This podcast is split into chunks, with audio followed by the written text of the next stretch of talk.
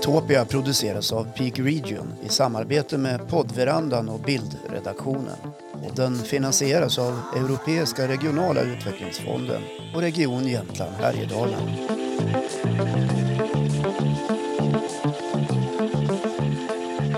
Hej hej, varmt välkomna till det här avsnittet där vi ska fördjupa oss i vad det är som avgör hur olika samarbeten lyckas eller misslyckas och särskilt då samarbeten mellan forskning, offentlig sektor och näringsliv. Välkomna hit Peter Womaka, Samling Näringsliv och professor Mikael Bäckström från Mittuniversitetet. Och såklart Håkan Lundqvist som är med oss här i studion. Hej på er allihopa! Hörrni, vi ska ju prata här då om eh, det som ibland kallas för trippelhelix. Ett, ett lite avancerat namn för någonting som handlar om samarbeten mellan då forskning, näringsliv och eh, offentlig sektor. Vi kan väl börja med att reda ut varför ett sådant samarbete överhuvudtaget är viktigt. Vad, vad leder det fram till i, i bästa fall, Mikael? Om jag börjar titta på universitetet och universitetets roll i samhället så är ju vi en, en, ett ställe, oftast myndighet, som har till uppgift att serva samhället med kunskap och med anställbar anställbara personer inom de områden som samhället anser vara behövda och viktiga. Eh, sen har vi på de senaste 15-20 åren eh, sakta men säkert också fått det som kallades en gång i tiden för tredje uppgiften.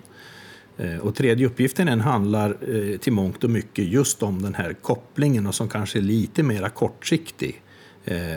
Kortsiktiga kopplingen att kunna serva Eh, företag och organisationer och andra intressenter med direkta samarbeten i eh, inte bara forskningsprojekt utan även då studentprojekt och dylikt, men som kan ha en kanske en avkastnings eh, ehm, eh, kan man säga, bortre gräns på ett år.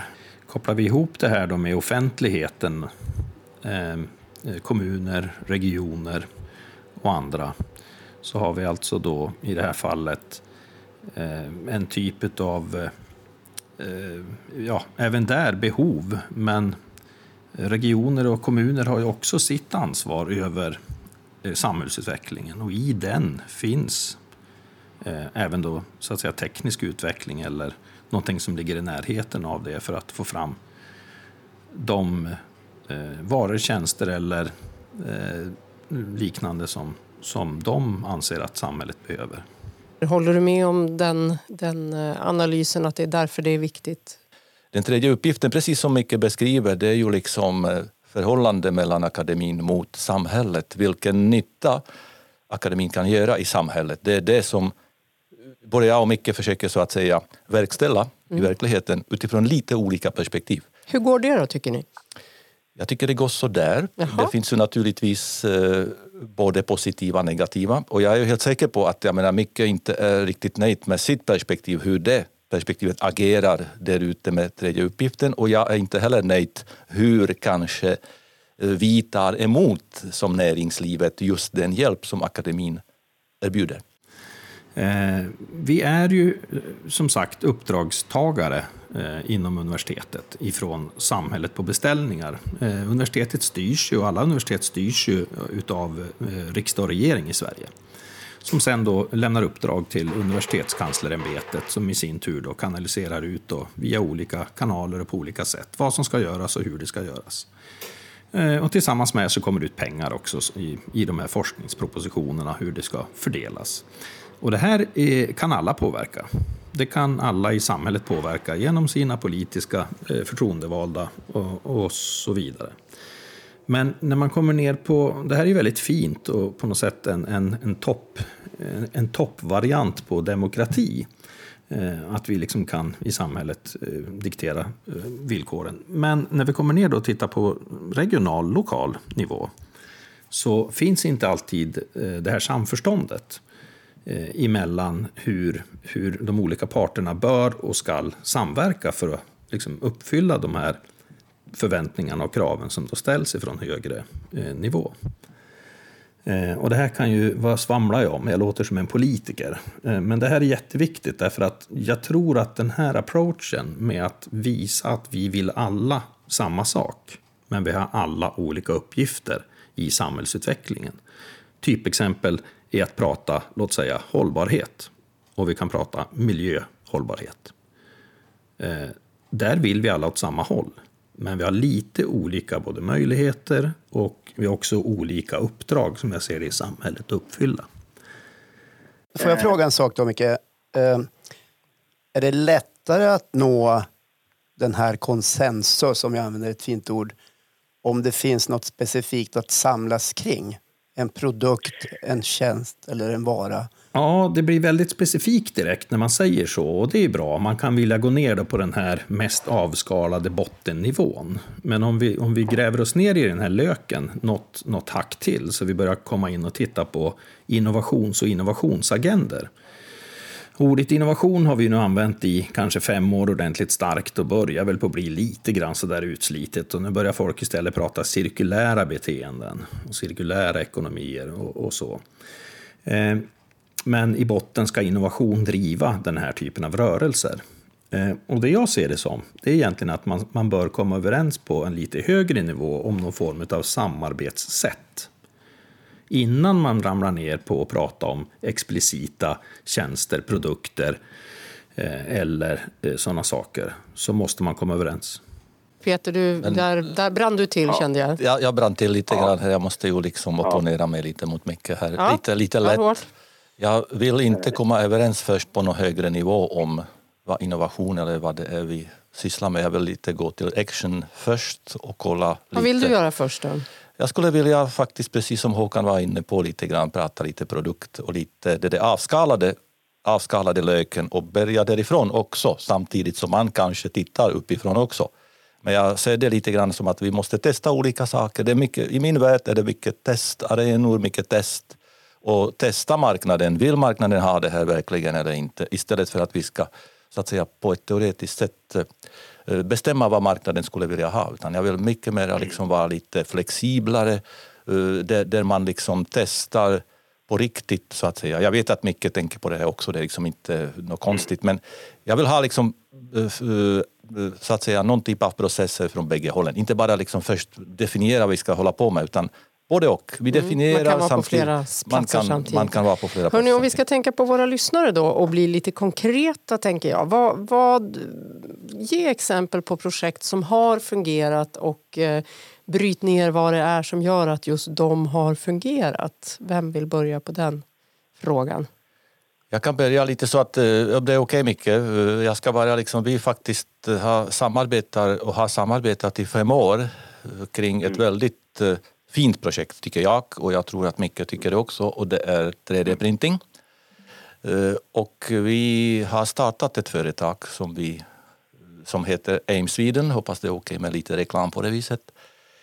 Och eh, där har vi absolut eh, upptäckt just det här som vi beskriver lite här att det är ju universitetet som egentligen samarbetar med näringslivet med ett ett forskarbolag samarbetar med ett kommersiellt bolag och samtidigt äger en del av kommersiella bolaget. Mm. Så att vi i det kommersiella bolaget AIM Sweden, där måste vi verkligen jobba utifrån flera olika perspektiv för att kunna så att säga gå mot marknaden tillsammans.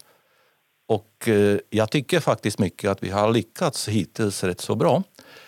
Och eh, vi har skaffat oss en hel del erfarenheter kring det. Inte bara som har liksom gynnat både forskningen, utvecklingen av forskningen, vad vi ska forska vad ni ska forska på mera på Mittuniversitetet och även inom näringslivet och marknadsföring. Vad är det som krävs för att produkterna kommer att slå på de där marknaderna? Eh, jag håller med Peter fullständigt i att det här är en bra, ett bra exempel vad är, det som är, vad är det som har funkat? Och har ni till exempel haft de här avtalen som du gillar? Eh, ja, på ett sätt ja och nej. Eh, alltså det, det, det, är så här att vi har flera saker som händer på ett universitet som man kan se kommersiella direkta fördelar med att, att skeppa ut helt enkelt i, i mångt och mycket så hamnar en del av de här forskningsrönen de hamnar på en artikel som det då heter och den stoppas sen då ner. Den läses av kanske i snitt, eh, säg ett hundratal personer världen över som är närmast kopplade om det inte är en sån där kioskvältare.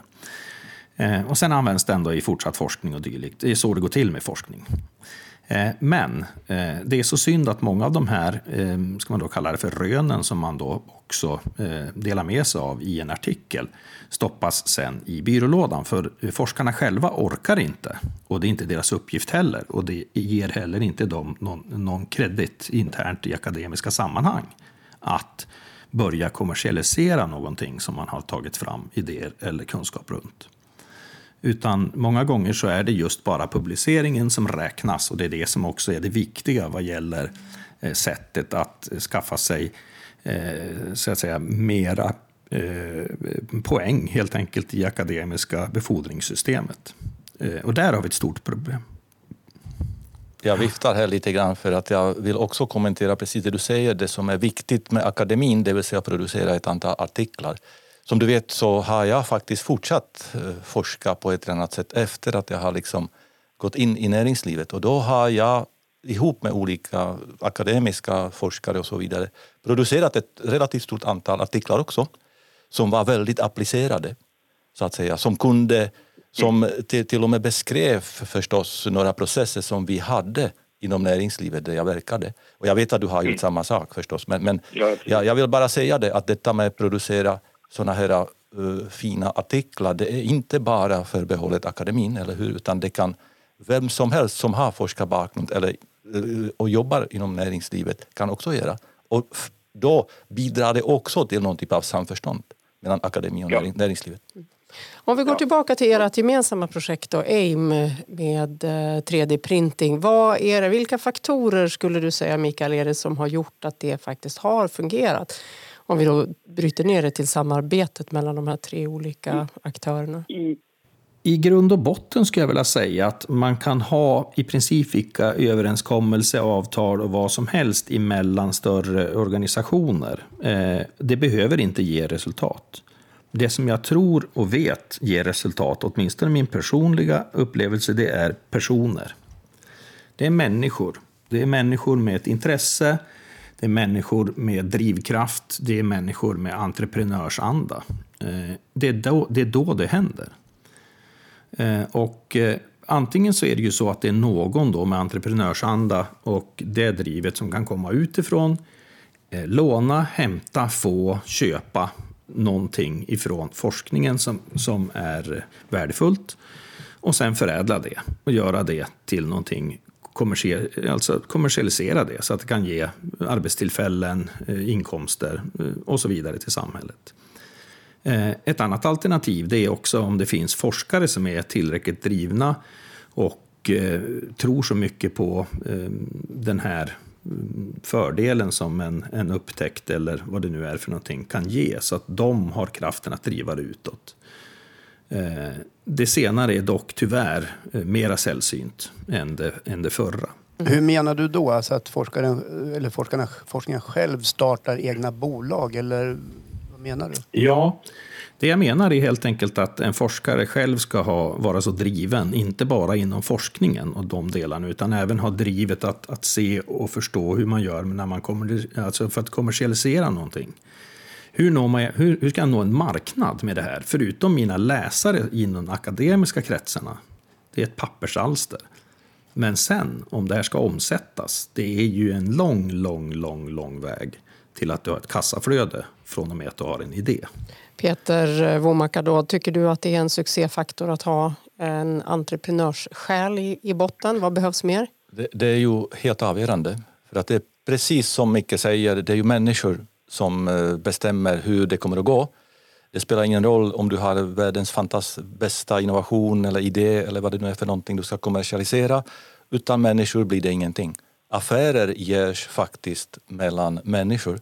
Jag vill gärna säga också att näringslivet verkligen uppfattar Mittuniversitetet som en viktig motor för tillväxt i, i regionen. Den tredje uppgiften är väldigt viktig. Och jag vill också säga det att en sån där ett nyckeltal, viktigt nyckeltal, det är att de studenter som pluggar på Mittuniversitetet, så 50 procent av dem, drygt 50 procent av dem stannar kvar i länet, är med i länet två år efter sin examen. Detta är otroligt viktigt och det är verkligen mm. en, en viktig aspekt i det där gränslandet för utveckling av regionen.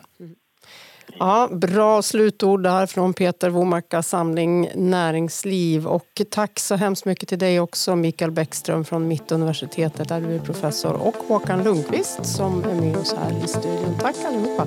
Tack. Tackar så mycket. Gemtopia, en podd från Peak Region i Jämtland Härjedalen.